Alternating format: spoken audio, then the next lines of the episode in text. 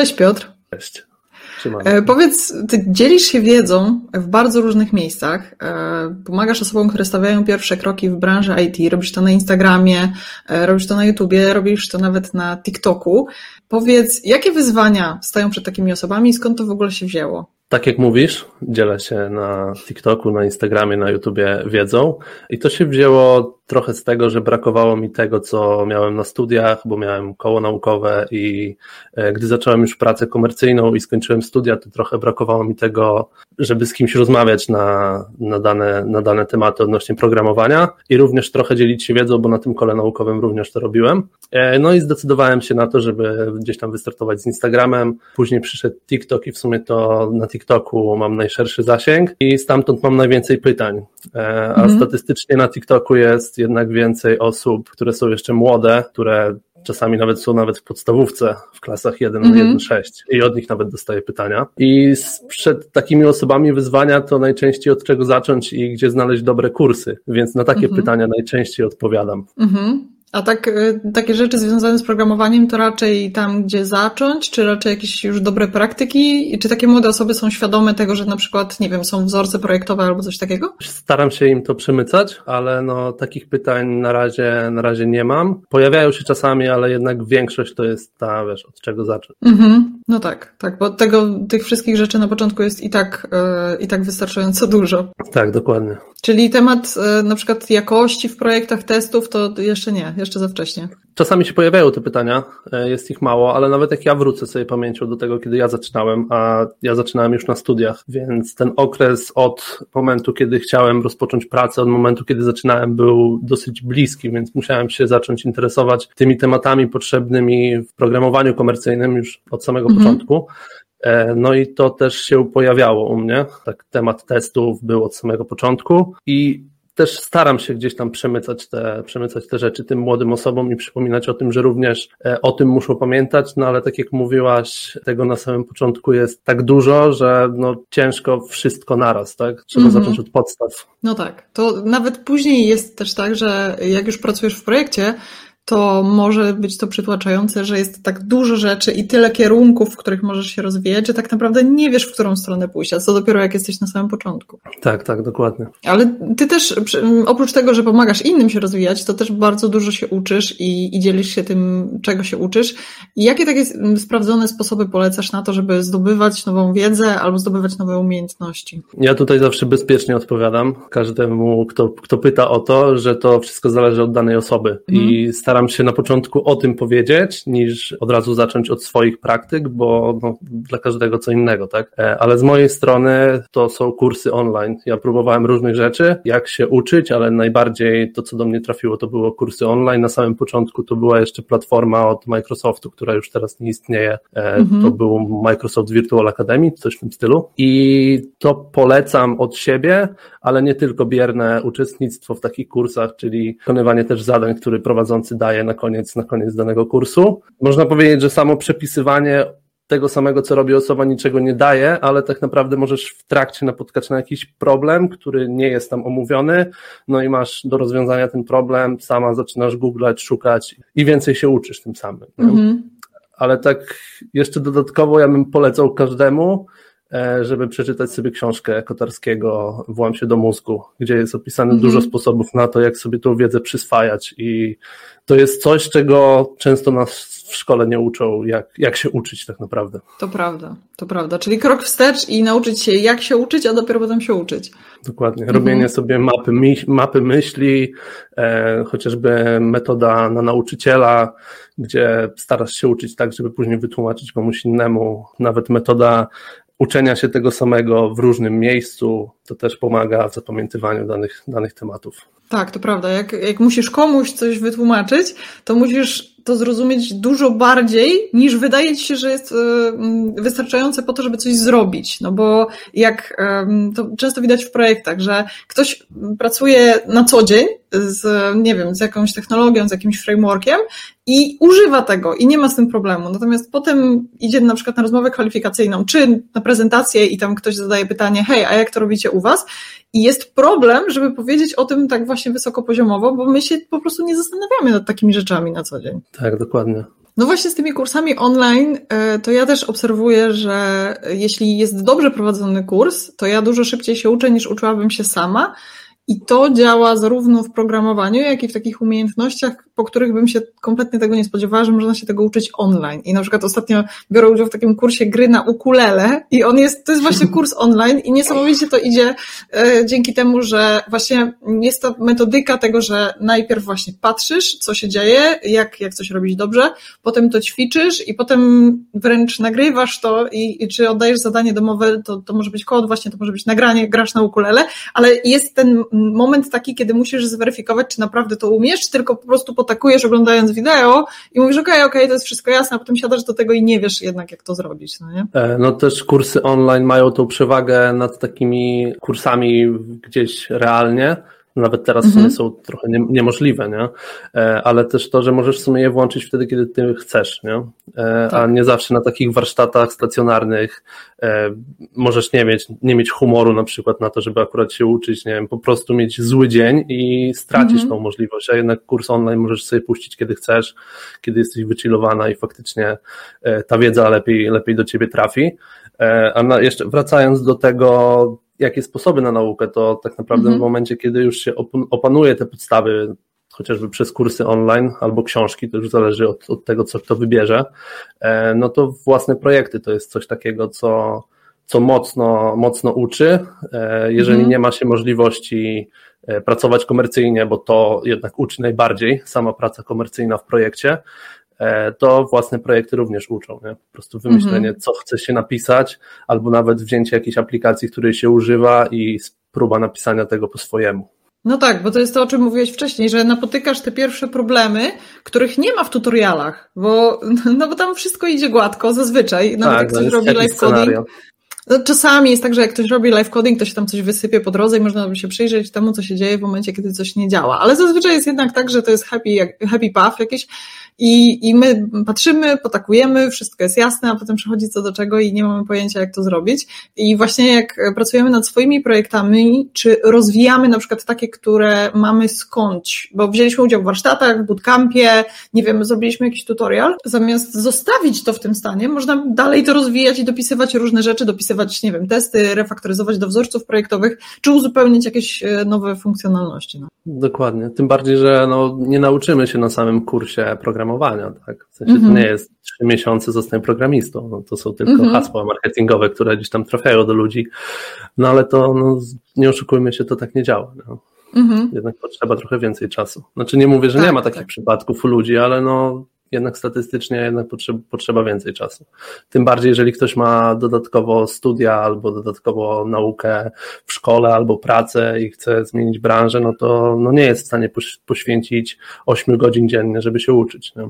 No, tak jak mówisz, są takie przypadki, ale nie warto jakoś rozdmuchiwać się tych informacji, bo potem cała reszta, y, jak przysiada do czegoś i nie nauczy się czegoś w dwa miesiące, to czuje, że coś jest może nie tak, że, że może się do tego nie nadają, a po prostu to są wyjątki potwierdzające regułę, ale najbardziej widoczne, no nie? I zawsze patrzymy na takich ludzi, którym coś przyszło lekko, albo nam się wydaje, że po prostu przyszło im lekko.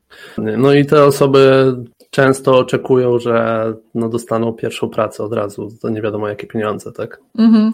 Bo ktoś im coś obiecał. Tak, ja tak, też tak. trochę miałem takie, takie odczucia w momencie, kiedy byłem na studiach i słyszałem opowieści kolegów, którzy już pracują i zarabiają krocie, no krocie, nie wiem, cztery e, tysiące na rękę dla mnie to było krocie wtedy, nadal, nadal w sumie to jest dużo, nie? E, no a ja poszedłem pierwszy raz do pracy i dostałem sporo mniej, nie? więc to było mhm. takie zderzenie się z rzeczywistością.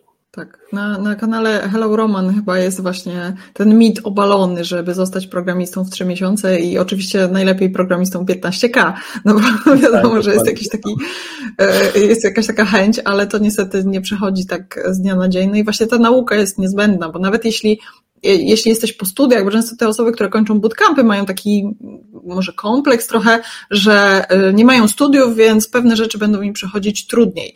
No może trochę tak być, może być trochę pod górkę, ale bez względu na to, czy kończysz bootcamp, czy jesteś samoukiem, czy kończysz studia, to zawsze musisz się uczyć cały czas. To znaczy musisz się rozwijać w trakcie swojej pracy, bo wtedy no, pozostajesz w zgodzie z tym, co się dzieje dookoła ciebie, czyli e, nie, rynek pracy jakby nie, nie zostawi gdzieś tam w jakimś szarym kącie jakiejś firmy, która używa technologii sprzed 10 lat, tylko raczej właśnie możesz się rozwijać, możesz chodzić na rozmowy i też jakby rozwijać się tak jako ekspert, bo już abstrahuję od tego, że twoja praca nie musi być twoją pasją, to, to nie musi być tak, że to jest szalenie tam interesujące, no ale jednak to jest taka branża, w której rozwijamy się cały czas, bez względu na to, czy, czy chcemy, czy może niekoniecznie. Tak, a mi przez cały czas, już w sumie się wyzbyłem tego uczucia, ale długi okres czasu e, miałem to uczucie, że nie pasuję do tej branży, że nie czuję w tym pasji, ale w końcu to odnalazłem i gdzieś tam to się pojawiło, e, bo nie wyobrażałem sobie pracy w tym, jakbym miał się cały czas uczyć czegoś, czego nie do końca lubię, więc mhm. E, ja się tutaj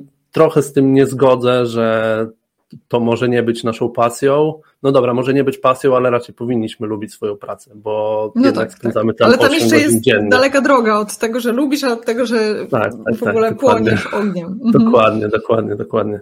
Chociaż tym, którzy mają w tym pasję i faktycznie pasjonuje ich programowanie, na pewno łatwiej przychodzi nauka, bo szukają odpowiedzi i tym samym uczą się. Takie tak, tak, ciekawskie, ciekawskie dziecko. Tak, to prawda. Taki entuzjazm do tego, co robisz i to, że, że sprawia ci to po prostu frajdę, no nie? Jest jednak e, no, pożądany. No ja zawsze czułem się gdzieś tam z boku, bo e, nie byłem takim e, stereotypowym nerdem, który, który programował od, od dziecka i, mhm. i to go pasjonowało, dlatego myślałem, że trochę się w tej branży nie odnajdę, ale no to było tylko moje gdzieś tam widzi mi się i przeświadczenie, że, że tak nie jest, a jednak się mhm. odnalazłem. No, wydaje mi się, że pokutuje tutaj jednak ten, ten taki właśnie stereotypowy obraz, chyba trochę przez prezentację, bo jak jedziesz gdzieś na konferencję i połowa prelegentów wychodzi na scenę i mówi ja to tam na komunie to już pisałem programy, bo tam miałem czwarty swój komputer i od dziecka w ogóle programuję. No i takie osoby oczywiście są, jest ich sporo, ale to nie są jedyne osoby, które są w branży IT, ale znowu one są najbardziej widoczne, więc wydaje nam się, że jeśli my nie zaczęliśmy programować w wieku trzech lat, no to już jest dla nas e, stracona tak naprawdę sytuacja w tym momencie. No tak, a to nieprawda. No i też e, porównując się do takich osób, możemy sobie myśleć, że nie będziemy nigdy tak dobrzy jak oni. No a to też nie jest mhm. prawdą. No tak, bo może być tak, że ktoś zatrzymał się na przykład na, na swoim rozwoju gdzieś tam wcześniej, dlatego że na przykład się wypalił e, i, i nie chce się już e, rozwijać, a ty dołączasz gdzieś tam po jakichś przygodach z kulturoznawstwem i, e, i dopiero dołączasz do IT tam grubo na przykład y, po trzydziestce i nagle okazuje się, że wnosisz zupełnie inne umiejętności, które akurat w danym projekcie czy w danym zespole były bardzo y, pożądane. I ja znam takich historii kilka i one są naprawdę inspirujące, dlatego że mm, właśnie wydaje nam się, że jak będziemy wszyscy tacy sami, tacy po prostu ociosani, że jak, jak z foremki po prostu, że ci programiści będą wychodzić yy, wszyscy tacy sami, to wtedy te zespoły będą lepsze, bo łatwiej się nam będzie dogadać, bo właśnie będziemy wszyscy tacy sami. A mm, no, jakby badania pokazują zupełnie coś innego. Badania pokazują, że jeśli zespoły są różnorodne, że jeśli zespoły się ze sobą nie zgadzają, ale potrafią ze sobą jakoś tak merytorycznie kulturalnie dyskutować i gdzie każdy ma prawo głosu i ten głos jest też brany pod uwagę, to takie zespoły wytwarzają najlepsze oprogramowanie. Tak, tak. Ja też nie chcąc nikogo obrazić, to e, właśnie taki stereotypowy nerd, programista e, uczący się gdzieś tam od dziecka programować, no to kojarzy się z brakiem takich umiejętności trochę miękkich komunikacji, co jednak może mocno wpłynąć na to, że jednak jakość oprogramowania spada, komunikacja w zespole spada, e, każdy sobie rzepkę, rzepkę skrobie i po prostu nikt ze sobą się nie dogaduje. Mhm. Więc e, w sensie to jest stereotypowe, tak? tak? Tak nie jest wcale. Nawet z tymi osobami, które programują od dziecka, jednak te umiejętności miękkie e, zdobywają i, i chcą się w tym kierunku rozwijać jednak. Nie? Więc, więc te zespoły programistyczne jednak ze sobą się dogadują i rozmawiają ze sobą, żeby tworzyć jeszcze lepsze oprogramowanie. Warto rozmawiać i e, im szybciej sobie to uświadomimy, tym, tym łatwiej nam będzie. Mamy chyba obydwoje Ładnie. takie doświadczenia gdzieś tam ze studiów, z różnych kół naukowych czy, czy jakichś organizacji studenckich no wtedy automatycznie te umiejętności miękkie przychodzą, trochę je szlifujesz, wywalasz się jeszcze w takich sytuacjach, które może nie są kluczowe dla projektu i potem w tych projektach takich komercyjnych, gdzie już dużo zależy od tej komunikacji, jest trochę łatwiej. No ale to znowu, to nie jest tak, że musisz się urodzić e, dzieckiem, które wychodzi, wiesz, na scenę i przed całą rodziną śpiewa kolendy, żeby łatwiej ci się było komunikować, tylko to też jest jakaś tam umiejętność, którą możesz zdobyć, czyli i te umiejętności techniczne, one nie, mus, nie musisz ich, nie wiem, wypić z mlekiem matki i tak samo te umiejętności miękkie, tylko każdych możesz e, się nauczyć, każdy możesz rozwijać i nawet powinieneś rozwijać w trakcie, bez względu na to, czy masz jakieś takie super predyspozycje do nich, czy nie. Tak, no ja też wszystkim polecam, żeby spróbować przynajmniej raz gdzieś wystąpić na jakiejś konferencji, bo to mega dużo uczy. No. Później nawet mhm. występowanie mm. przed małym zespołem jest mniej stresujące, bo już się wystąpiło przed dwustoma osobami na przykład. Tak. Ja jestem, oso- ja jestem właśnie przykładem osoby, która gdzieś w młodym wieku bez żadnego problemu występowała na scenie, bo tańcząc tańce ludowe po prostu miałem tyle koncertów, że to weszło mi w krew. Później przestałem na okres liceum i jak zacząłem studia, to również to się pojawiło przez koło naukowe, naukowe, przez jakieś tam występowanie na konferencjach i to właśnie było dla mnie dziwne, że ja jestem na etapie początkowej nauki programowania, a już mogę kogoś nauczyć czegoś, bo na przykład występowałem na konferencji dla licealistów chociażby. Mm -hmm. I dla mnie to było takie, że to było coś, co sobie zatraciłem i stresowałem się 15 razy mocniej niż e, wtedy, jak byłem młody, E, no ale to też da się, da się w sobie wypracować, tak? Tak, no takie czy prezentacje techniczne, czy występowanie przed zespołem,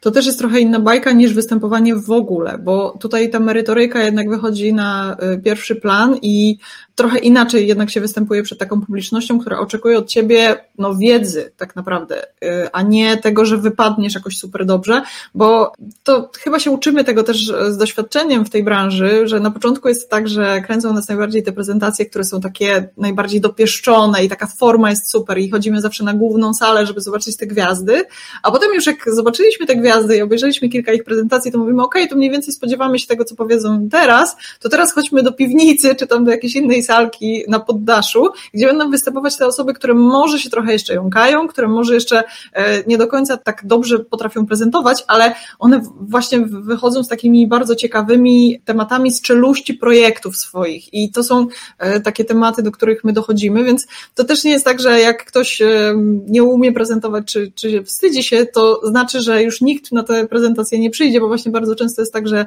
ludzie jakby troszkę ignorują te E, te niedociągnięcia i, i tę taką niedoskonałą formę i bardziej przechodzą właśnie po merytorykę. I wydaje mi się, że branża IT pod tym względem jest e, fantastyczna, że jeśli przedstawisz merytorykę, jeśli przedstawisz wiedzę, to bardzo dużo są ci w stanie wybaczyć. Zgadzam się. Jak najbardziej. Tak, Ale więc to. Prez... Mhm. Umiejętność prezentacji też jest oczywiście ważna. Tak, to tak, tak. No ale to też przychodzi z doświadczeniem, nie? Tak, tak, tak, dokładnie. Więc nie ma co się stresować, nawet jeżeli jest się gdzieś tam początkującym na tym etapie występowania, można spróbować pokonać swoje słabości i faktycznie to dużo da później w tym rozwoju umiejętności miękkich, które są potrzebne też w branży IT. Dokładnie. Ja teraz chciałam poruszyć taki, taki temat, bo ty jesteś full stack deweloperem i zaczynałeś od backendu, tak? E, w sumie to nie, w sumie byłem full stackiem od samego początku. Okay. Bo trafiłem do projektu dotnetowego, e, gdzie był i frontend, i backend, i miałem różne mhm. zadania od samego początku. Okej, okay. czyli nie miałeś takiego momentu, bo chciałam Cię trochę podpytać o to, jak się zmienia podejście do jakości w projekcie, do testów, do tego, jak dbamy o jakość właśnie z perspektywy programistów w momencie, kiedy piszesz frontend, a kiedy piszesz backend. Znaczy, mogę się na ten temat wypowiedzieć, bo mam taką historię trochę drogi przez mękę, bo e, nie zawsze byłem w projektach cudownych pod kątem jakości, mhm. ale gdzieś tam z tego co pamiętam, to od samego początku widziałem nawet te braki w tych projektach, tylko ten mój głos juniora nie był do końca wtedy słyszalny, a ja jeszcze miałem braki w tych podstawach, gdzie no ciężko było zmieniać świat, najpierw trzeba było zmienić siebie, tak, mhm. nauczyć się podstaw. Można powiedzieć, że faktycznie pod kątem testowania backend jest testowany częściej i jest to bardziej rozumiane, że jest tam potrzebny czas na to, żeby to faktycznie otestować, chociaż nie, nie, nie każdy projekt jest otestowany również po stronie backendu, ale tym bardziej nie jest przetestowany po stronie frontendu i jednak często testowanie wprowadza się do testowania manualnego i klikania, co strasznie wydłuża czas developmentu, e, releasowania projektu i no jest takim strzałem w kolano, a można to łatwo, mm -hmm. w łatwy sposób zmienić. Tak, chociaż y, jak w danym momencie, jak wypuszczasz jakiś, jakąś małą funkcjonalność, zwłaszcza jeśli ktoś na nią czeka, to wydaje ci się, że właśnie te testy manualne, one będą szybsze, że, że tak łatwiej to wszystko przejdzie, bo tam poklikasz i wszystko będzie ok, a postawienie środowiska czy dopisanie tych automatów, no to już jest trochę więcej zabawy, przynajmniej na początku. Tak, ale tak naprawdę postawienie środowiska i napisanie pierwszego testu, no to robisz to raz, tak? Później testy już piszesz, można powiedzieć, schematem. Nawet osoba, mhm. która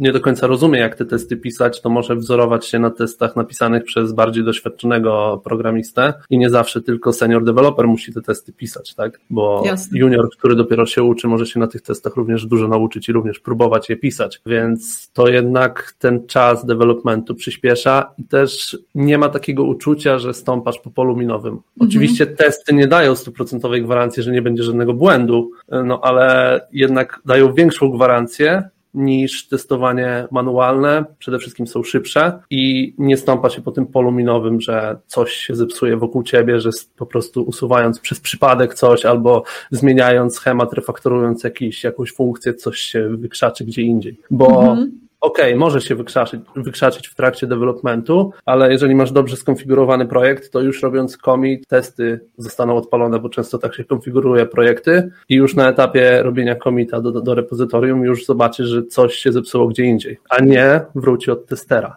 co wydłuża tak, tak. faktycznie tak. ten proces. Albo nie wróci i pójdzie na produkcję. Albo nie wróci, po dokładnie. miesiącach. Tak, wróci od klienta, mhm. który, wyśle, który wyśle ci filmik, e, jeżeli ta, taki kontakt również jest, e, z wytłumaczeniem o co chodzi i z wielkim żalem, że coś nie działa. No tak, tak, a działało, nie? Działało, tak. No właśnie, bo te testy manualne, one się przydają w momencie, kiedy mamy jakąś nową funkcjonalność, kiedy próbujemy też trochę zrozumieć, jak ktoś będzie tego używał, wtedy fajnie jest przeklikać się faktycznie przez tę aplikację, ale takie testowanie w kółko tych samych rzeczy, wydaje mi się, że to wprowadza taki błąd ludzki nawet czasem, że klikasz, klikasz w kółko te same funkcjonalności i wydaje ci się, że już to przeklikałeś przecież dzisiaj, a się okazuje, że jednak nie i właśnie wypuszczamy coś na produkcję i to są takie miny właśnie, dobrze, do, dobrą tutaj analogię zrobiłeś do tego pola minowego, bo to są takie miny, które gdzieś tam zasadzasz na produkcji, zakupujesz i zapomin wszyscy o tym zapominają i to wybucha, te, ten feedback do ciebie wraca w momencie, kiedy albo już nie pamiętasz, co tam się działo w tej funkcjonalności, albo w ogóle ta osoba, która to pisała, już nie pracuje, więc ciężko jest w ogóle dopytać, co tak, poeta tak. miał na myśli.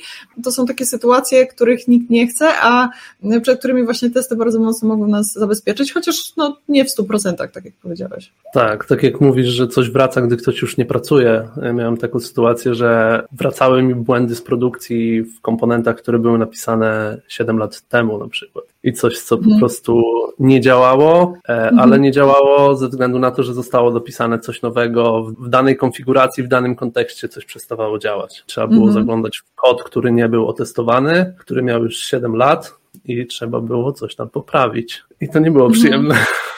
No tak, takie zaglądanie w czeluści, które dawno nie były dotykane, to, to jest najlepsza nauka i to jest fajne z perspektywy naszego rozwoju, tak. natomiast nikt nie lubi tego robić. Najlepiej to odsunąć na bok i e, szukać winnego, ale winny już pracuje w innej firmie, więc go nie ma.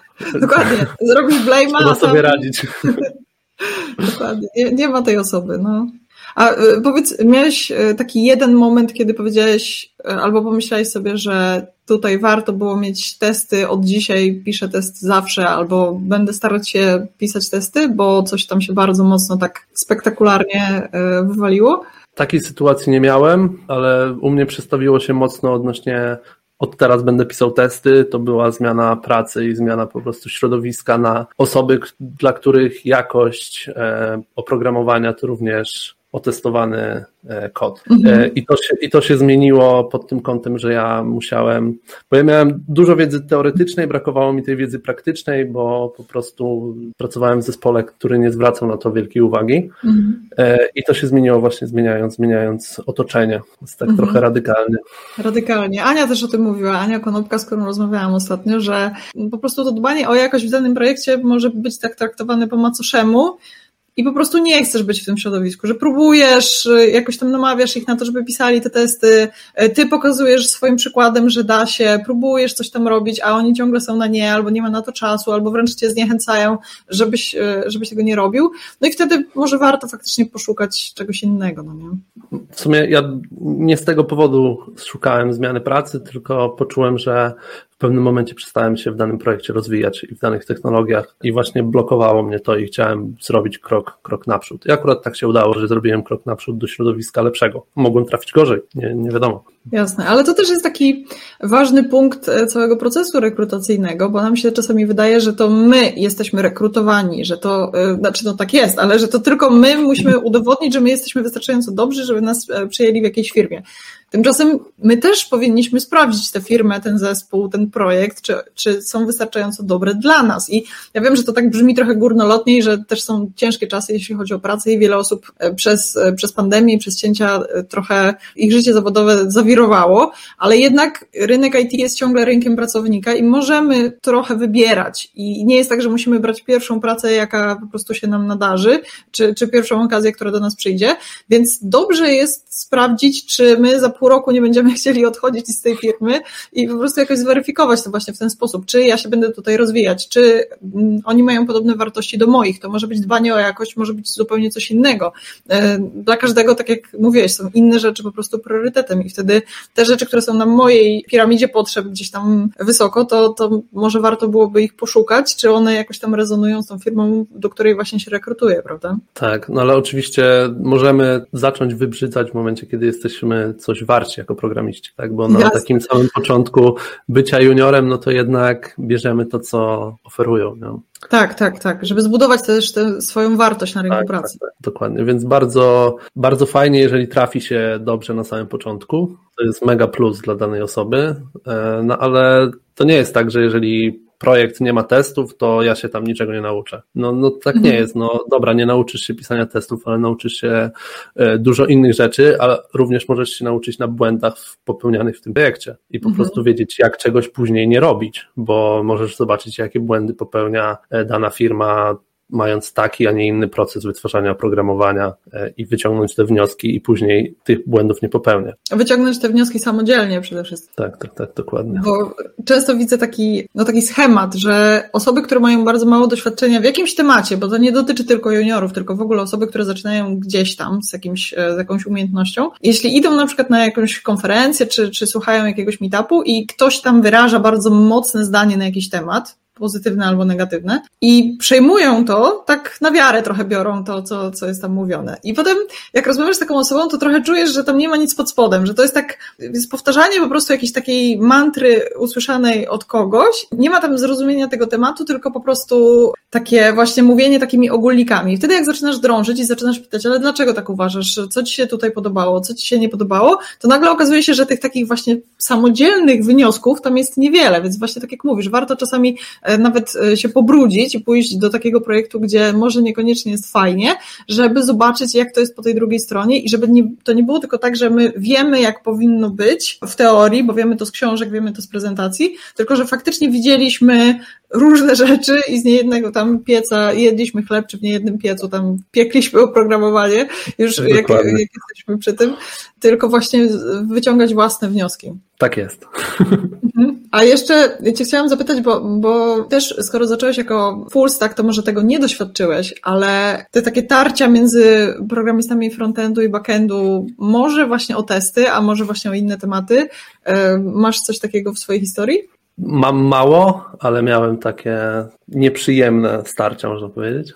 Mhm. Chociaż ja sobie, ja sobie totalnie nie wyobrażam ludzi, którzy są stricte backendowcami, którzy nie mają żadnej wiedzy frontendowej i frontendowców, którzy nie mają wiedzy backendowej. To, mhm.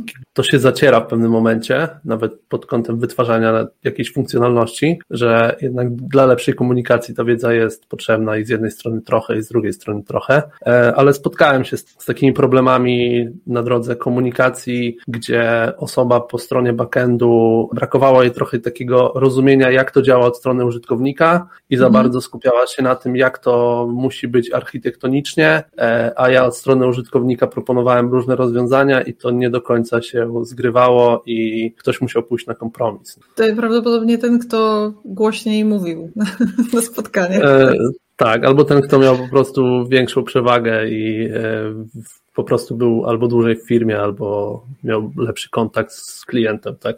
Mhm. Niestety, właśnie często tak jest, że um, jeśli znamy tylko swoje podwórko, to bardzo się upieramy przy tym, żeby było po naszemu. Ja mam takie doświadczenia właśnie, że jeśli backendowcy zostają frontendowcami z kolei, i zaczynają właśnie pisać frontend, to piszą go w taki bardzo backendowy sposób i to rzadko wpływa dobrze na user experience, bo jest po prostu tak. takie e, przenoszenie po prostu z bazy danych tego wszystkiego, co, co się dzieje w czeluściach backendu po prostu na frontend i użytkownicy rzadko są zadowoleni z takiego procesu.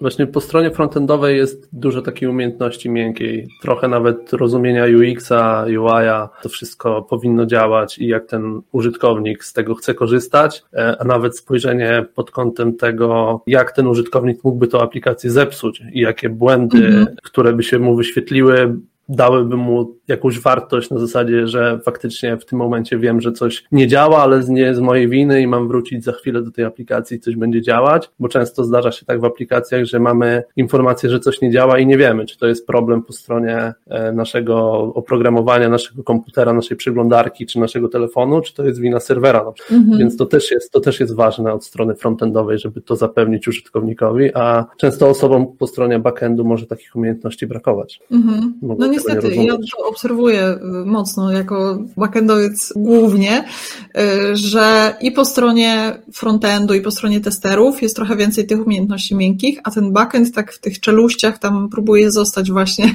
z, z takimi mocno okrojonymi umiejętnościami miękkimi. Wielka szkoda, bo, bo jak byłam w takich zespołach, które się świetnie komunikowały na każdym poziomie i każdy jakby członek tego zespołu chciał i mógł wyrażać swoje zdanie i, i było takie przyzwolenie i na popełnianie błędów i nauczenie się różnych rzeczy od siebie nawzajem, to takie zespoły pracują szybciej, jakoś tak bardziej efektywnie i też dostarczają lepsze po prostu produkty, rzadziej są jakieś zwrotki z produkcji, po prostu dlatego, że no, rozmawiamy ze sobą jakoś tak jak ludzie, a nie, nie jak androidy, no nie? Nie jesteśmy robotami, nie? Tak, chociaż czasami chcielibyśmy chyba. Niektórzy chcą do tego doprowadzić. Tak, ale no, jeszcze chyba nie za naszej kadencji, także jeszcze przed nami te umiejętności miękkie.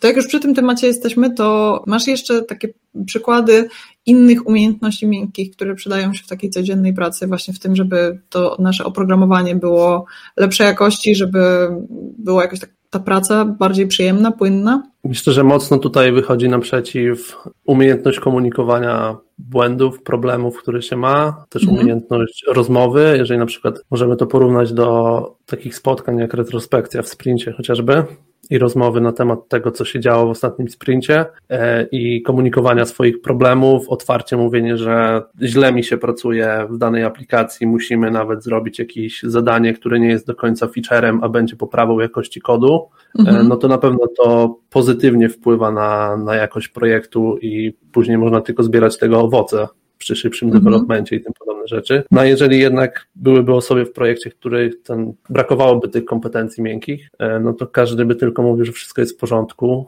i, i, i nic by się nie poprawiało, tak? Tak. Albo nic by nie mówił. Się. Mhm. Tak, to y, Krzysztof Jędrzyca ma taki, takiego swojego vloga, gdzie mówi o tym, jak on się uczy z tego feedbacku y, konstruktywnego. On nawet y, lubi taki negatywny.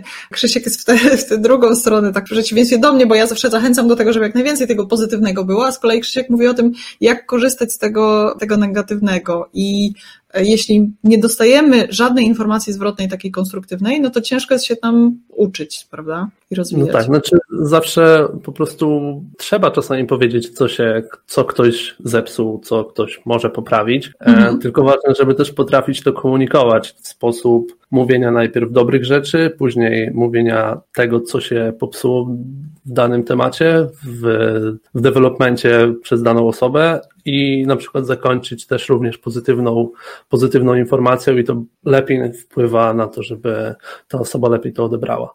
Mhm. Znaczy mówisz o tej kanapce takiej, którą gdzieś tam... E, tak, tak, tak dokładnie tak to się nazywa. Tak. Używamy. To może mieć też gorszą stronę, dlatego że jeśli ktoś się nauczy tego tak podręcznikowo i chce to korzystać z tego w każdej sytuacji bez takiego wyczucia i zrozumienia, to też może się stać takie sztuczne bardzo i ta osoba po drugiej stronie będzie wiedzieć, że ta, te bułeczki w tej kanapce, one nie są szczere, tylko to, to, to mięsko, które jest tam w środku, że to jest to, co chcesz tak naprawdę przekazać, no nie? Więc e, to też trzeba uważać, no ale znowu, to jest taki meta level, no nie, że uczenie się tego, w jaki sposób przekazywać ten feedback e, drugiej osobie, jak przekazywać pozytywny, jak przekazywać konstruktywny, że mm, to też jest jakaś tam nowa umiejętność i bez względu na to, czy ty będziesz używać tej kanapki, czy nie, żeby ta osoba wyszła z takim poczuciem, że ty robisz to z troską, z tym, że chcesz, żeby ktoś zrobił coś lepiej e, następnym razem, a nie, że jesteś takim, taką osobą, która się czepia i taką osobą, która e, chce po prostu ponarzekać, bo takich maruderów też mamy w IT sporo, to nie ukrywajmy. Ja tutaj pod kątem tego, jeżeli ktoś by chciał rozwinąć taką umiejętność właśnie komunikowania problemów, komunikowania tego, co ktoś zepsuł e, i jaki ktoś ma problem, to polecam książkę Jak zdobyć przyjaciół i zjednać sobie ludzi. Coś, mhm. co faktycznie mi, e, już nie pamiętam kto to napisał, chyba Daniel, ale nie pamiętam nazwiska, tam mocno jest to opisane od, pod kątem psychologicznym, jak komunikować te problemy, jak się komunikować z innymi osobami, żeby po prostu łatwiej nam się żyło, tak? A to jest mhm. potrzebne w zespole programistycznym. Tak, zresztą też jako twórcy myślę, że możemy tutaj e, śmiało się wypowiadać z tej perspektywy, to zupełnie inny jest wydźwięk tego, jak ktoś pisze do ciebie, czy, czy mówi do ciebie jakoś e, o, o twoich treściach.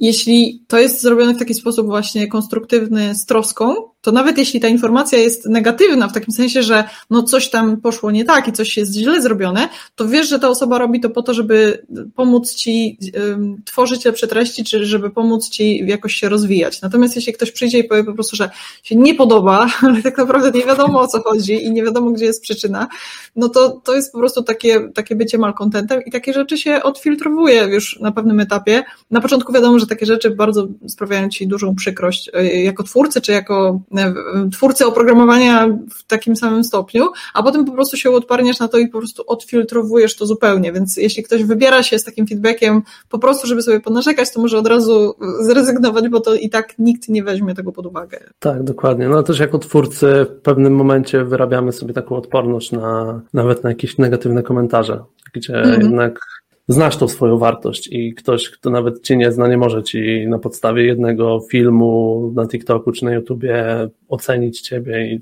no, nie możesz się z tego powodu zdołować, bo to jest no, bez sensu, tak? No tak. Mówiliśmy też o prezentacjach. Z prezentacjami też jest podobnie, że czasami ten tak. feedback się zmiażdży na początku, na pierwszej czy drugiej konferencji czy meetupie. Nie każdy może cię lubić, tak? Mhm. No dokładnie, nie jesteś dla każdego, nie jesteśmy zupą pomidorową, e, ale e, warto wyciągać te rzeczy, które są właśnie konstruktywne, te rzeczy, z których możemy się coś nauczyć, bo nikt nie lubi tego, że ktoś przychodzi i dzieli się z tym, że coś poszło nie tak. Natomiast jeśli nauczymy się czytać między wierszami i patrzeć na to, co faktycznie możemy z tym zrobić i co możemy zrobić następnym razem lepiej, no to, to wtedy możemy się tam rozwijać. Tak, wiesz, ciężko ocenić na przykład po komentarzu na YouTubie, że ktoś daje ci konstruktywną krytykę w oparciu o jakieś doświadczenie, bo nie znasz zupełnie mm. tej osoby. Jeżeli ktoś faktycznie po danej prezentacji na jakiejś konferencji podejdzie, ktoś kogo znasz, albo ktoś kogo kojarzysz mniej więcej, ktoś ci powie, że tu było spoko, to mógłbyś poprawić, no to wtedy mm. ten feedback jest troszeczkę inny. No i tak samo, no, jeżeli chodzi o zespół, to tam jest dużo prościej, bo jednak masz kolegów z zespołu i wiesz, co oni sobą reprezentują i wiesz, jakie mają umiejętności programistyczne. Jeżeli oni dadzą ci feedback, no to to jest na pewno e, łatwiejsze wybranie tego negatywnego, konstruktywnego feedbacku i wyciągnięcie wniosków z niego. No właśnie, I, i wiesz, czy to nie jest ta wydmuszka taka, że ktoś tam powtarza po prostu jakieś takie cudze opinie, tylko wiesz, że ktoś na przykład ma jakieś doświadczenia z czymś faktycznie, jest prawdopodobnie lepszy w czymś od ciebie i wtedy no, bierzesz serio po prostu taki feedback. Dokładnie.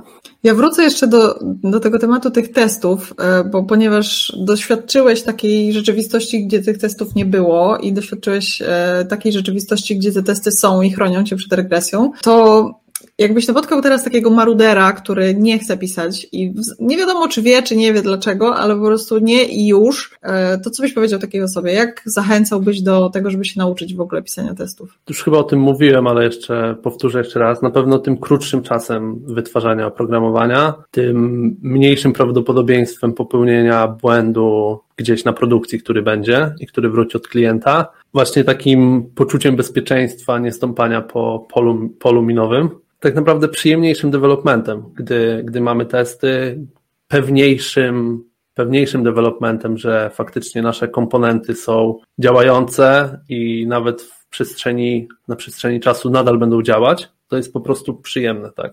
Mhm. Więc nie wiem, co mam dodać jeszcze. To jest po prostu przyjemne. To jest coś w tym. Ja ostatnio przeczytałam na Twitterze taką, e, takie zdanie, że niepisanie testów jest bez sensu. I tak myślałam, że tak, tak.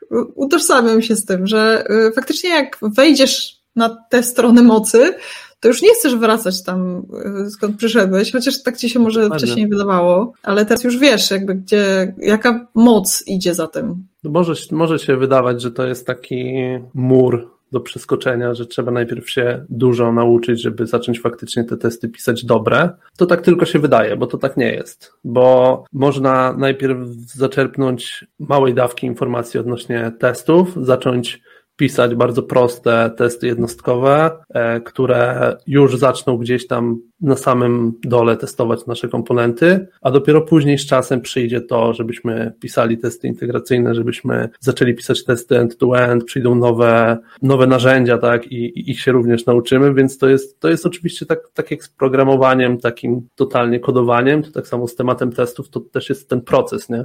I już na samym -hmm. początku już możemy mieć z tego wartość. I, I też czujemy taką, mam wrażenie, że na samym początku czujemy taką moc, dlatego, że patrzymy, jak coś szybko możemy zrobić, jak napisać kilka testów i one nas tutaj zabezpieczają, nie musimy już klikać, uruchamiać tej aplikacji, backend, frontend, klikać, e, potem znowu, jeśli coś nie działa, tylko piszemy kilka testów i one tam za nas to sprawdzają. Potem następuje taki moment, wydaje mi się, takiego zachłyśnięcia i piszemy testy do wszystkiego absolutnie i te testy są takie sobie i one trochę bardziej betonują nam kod niż tak naprawdę pomagają w tym, żeby później refaktoryzować e, bez, e, bez lęku. I potem dopiero uczymy się tego, co jest dla nas dobre, gdzieś tam czytamy o tych dobrych praktykach, też uczymy się pod okiem innych osób, robimy jakiś pair programming i dochodzimy do tego, gdzie te testy faktycznie powinny być, żeby one były takie, jak mówisz, no nie, żeby one dawały nam tę pewność, żeby nam, żeby y, uprzyjemniały nam tę pracę. Tak, no później też musimy pamiętać o tym, żeby dbać o te testy, bo mhm. pod kątem rozwijania e, oprogramowania może się zdarzyć, że jeżeli nie każdy będzie o nie dbał w zespole, no to te testy stracą swoją wartość i później mhm. zaczną się wysypywać na jakichś nieokreślonych przypadkach i w końcu ktoś może niefortunnie te testy wyłączyć, bo kogoś zaczną denerwować. E, tak. Też tak może być. Albo jak Niestety. są niestabilne no nie? i przechodzą czasem, a tak, czasem niekoniecznie. Tak, dokładnie. Mhm. Tak się zdarza. No i też w tych projektach, które teraz pracuję, też czasami to występuje. Jak muszę coś dopisać do projektu innego zespołu, za który nie jestem odpowiedzialny, to czasami spotykam taki też problem, że, że jakiś test nie przechodzi, a nawet tego kawałku kodu nie dotykałem. To jest frustrujące mm. mocno. No ale z drugiej strony lepiej, że ten test nie przechodzi, niż żeby to miało pójść na produkcję. Tak, dokładnie, bo czasami po prostu zaczynam się zastanawiać, czy może faktycznie coś, ja nawet nie widzę, że coś, moja funkcjonalność tego nie dotyka z pierwszej na pierwszy rzut oka, a jednak gdzieś dotyka, bo gdzieś ten komponent jest używany jednak. Mhm. Więc to no, lepiej testy mieć niż ich nie mieć. To prawda, to prawda. I dobrze jest się też uczyć od praktyków, od takich ludzi, którzy piszą te testy na co dzień, piszą je w projektach, żeby to też nie była taka wiedza właśnie tutorialowa, taka z książek, e, chociaż oczywiście taką wiedzę też trzeba zdobywać, ale e, żeby ta praktyka szła w parze jakby z tym, żeby, to, tak jak mówiłeś wcześniej, żeby eksperymentować, że najpierw zdobywasz kawałek, kawałek wiedzy, a potem idziesz i wdrażasz to w jakichś prawdziwych scenariuszach. Tak, nawet jak jesteśmy na etapie nauki programowania, jesteśmy na etapie pisania własnych projektów, no to spróbować napisać do nich testy. Mhm. I, to już, I to już będzie nauka na tych przypadkach faktycznie e, takiego użycia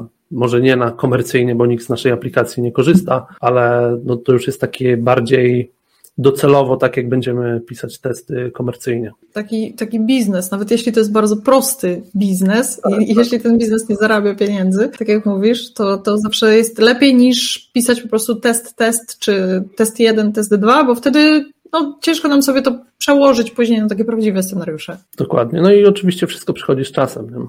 E, wyciągamy wnioski z własnych błędów oraz z błędów innych programistów w zespole e, podczas pisania testów, no i piszemy je coraz lepsze. No, od, razu, mhm. od razu nie będziemy mistrzami, tak? No jak, jak we wszystkim. Chociaż mam takie wrażenie, że osoby, które mają już dużo doświadczenia w programowaniu, oczekują, że to pisanie testów tak przyjdzie im naturalnie, a niekoniecznie tak jest. No właśnie nie, czasami muszą po prostu cofnąć się dwa kroki wstecz, zacząć, można powiedzieć, od takiego bycia juniorem w testach i rozpoczęcia od początku nauki. Mhm.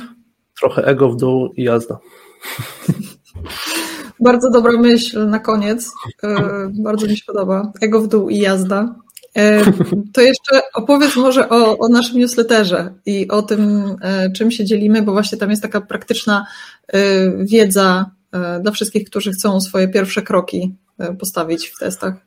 Tak jest. Dzielimy się na testy na frontendzie.pl. Tam jest formularz do zapisania się na newsletter i co tydzień e, wraz z Olą e, i Tobą, Anią Konopką, znaczy bardziej Ania tutaj e, ze mną współpracuje pod kątem wytwarzania tych, tych newsletterów, bo my mamy jednak te większe doświadczenie w testowaniu frontendów i co tydzień wypuszczamy faktycznie, nie powiem mięsisty, bo staram się nie jeść mięsa, nie wiem, tofucisty. Mięsisty chyba jest od miąższu, także od miąższu, wydaje mi się, okay. że on jest uniwersalny. Okej, okay, mięsisty newsletter e, i faktycznie, jeżeli tam się zapiszecie, możecie co tydzień otrzymać takie e, informacje teoretyczne, czasami nawet praktyczne, jak na przykład ostatni newsletter o TDD i mój film na YouTubie, gdzie można praktycznie w praktyce zobaczyć, jak testy pisać na frontendzie.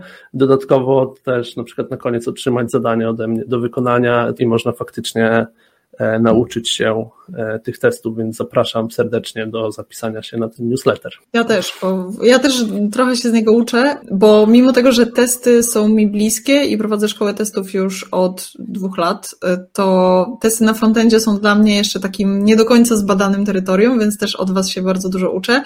I wydaje mi się właśnie, że to bycie takim wiecznym juniorem, że zawsze chcesz dowiedzieć się więcej na jakiś temat i, i nie boisz się tego, że hej, czegoś nie wiem, to bardzo nas rozwija, to znaczy pomaga nam w rozwoju, dlatego że to jest pierwszy krok do tego, żeby chcieć coś wiedzieć, bo jeśli uważasz, że wiesz, no to nie będziesz chcieć się dowiedzieć, więc tutaj musisz zrobić jakby ten, ten krok wstecz, tak jak mówiłeś, i trochę pokory w tym wszystkim. Tak, e, ego w dół jasno.